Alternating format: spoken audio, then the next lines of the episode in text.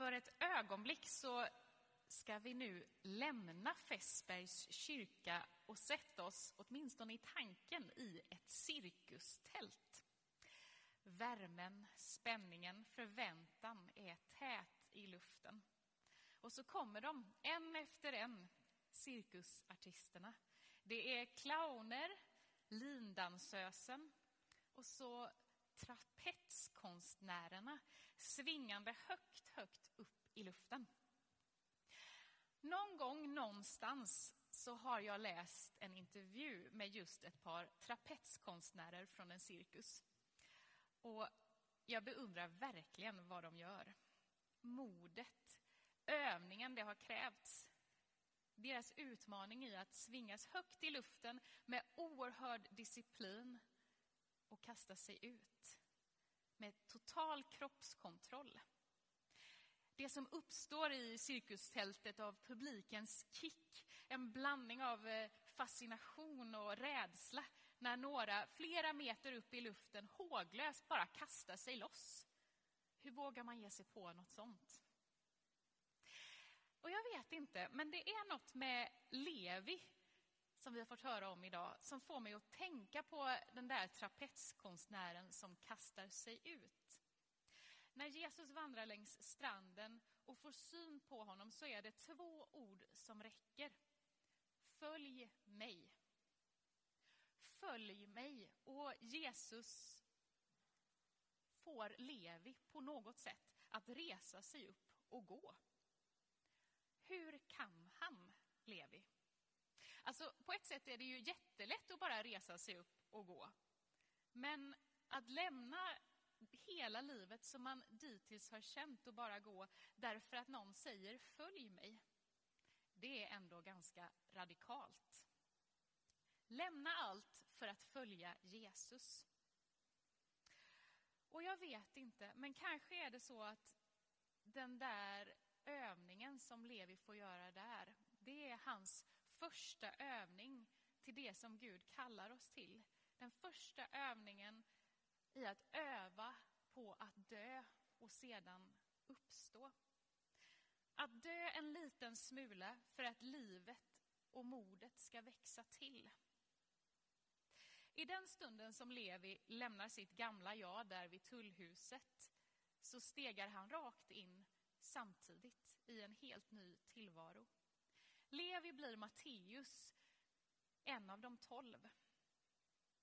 Och tillvaron får en helt ny riktning. Ett mål som är djupare än allt annat som tidigare varit. Att vara kallad till Guds rike är just det där som Levi gör. Att våga släppa taget. Men om vi bara skulle kasta oss ut utan att ha en riktning, bara släppa taget, så vore det kanske precis som för trapetskonstnären dumt.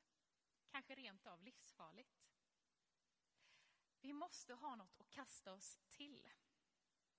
Och i den där intervjun så lär den ena av de två, för de är två när de är trapetskonstnärer, han som brukar kasta sig ut, han lär ha sagt att när han släppt taget om trapetsen så måste han helt och hållet bara lita på att han kommer att bli uppfångad.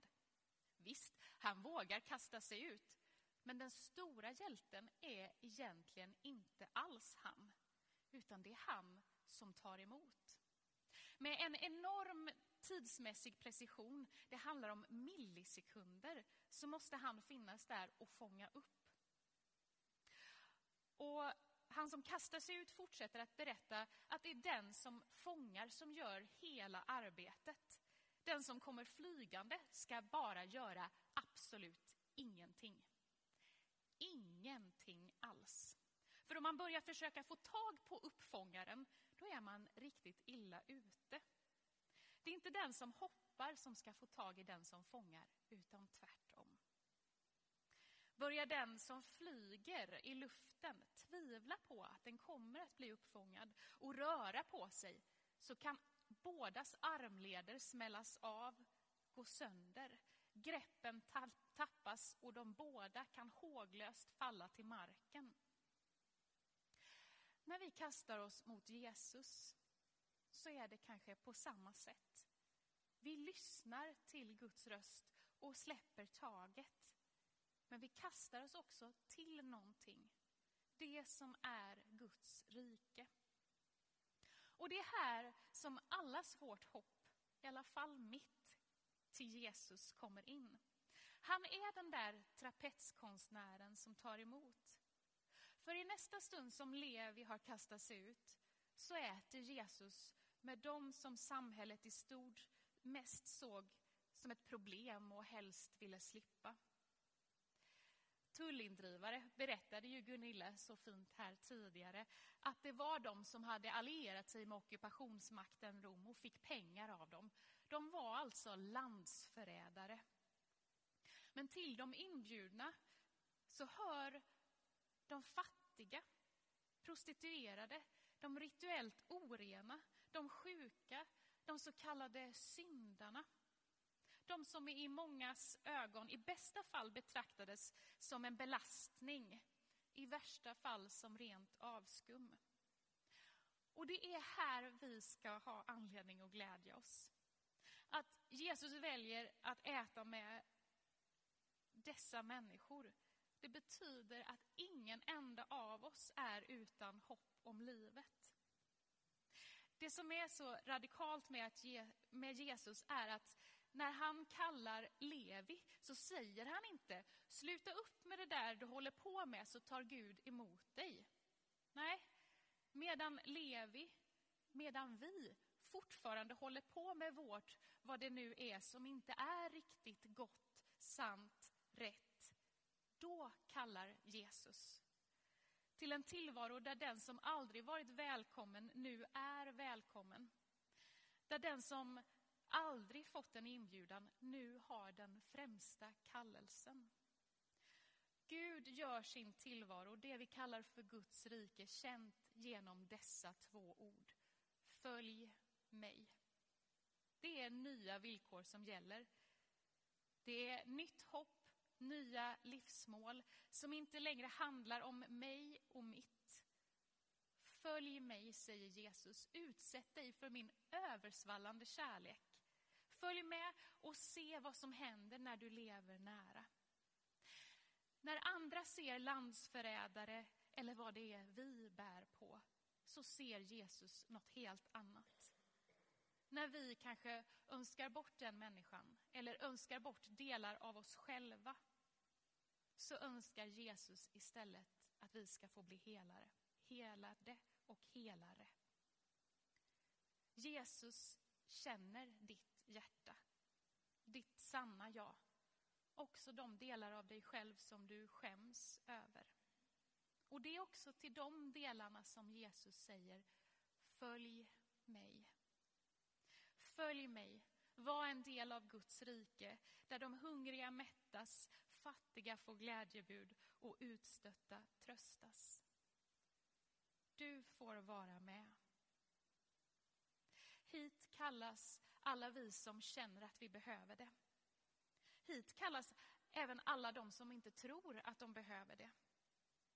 Hit kallas också de som inte vill, i hopp om att en dag vilja. Och det kan vara provocerande att se på när Jesus gör sitt. Men på upprördheten runt omkring sig så svarar Jesus de viktiga orden. Det är inte de friska som behöver läkare utan de sjuka. Jag har inte kommit för att kalla rättfärdiga utan syndare. Jesus vet att han behöver vara där han behövs som allra mest. Inte för att döma, utan för att ingen enda ska bli lämnad utanför. Inte ens de där delarna av oss. Allt ska förvandlas, bli helt. Och när vi har kastat oss ut så är det så att vi inte längre behöver lita bara på oss själva. Det kanske till och med är så att det blir ett hinder. Något som får oss att falla till marken. Den vi från det tillfället behöver lita på, det är den där mannen vars armar vi nu har kastat oss in i. Likt fulländade trapetskonstnärer göra ingenting. Bara lita på att vi kommer bli mottagna fullt ut i Jesu armar.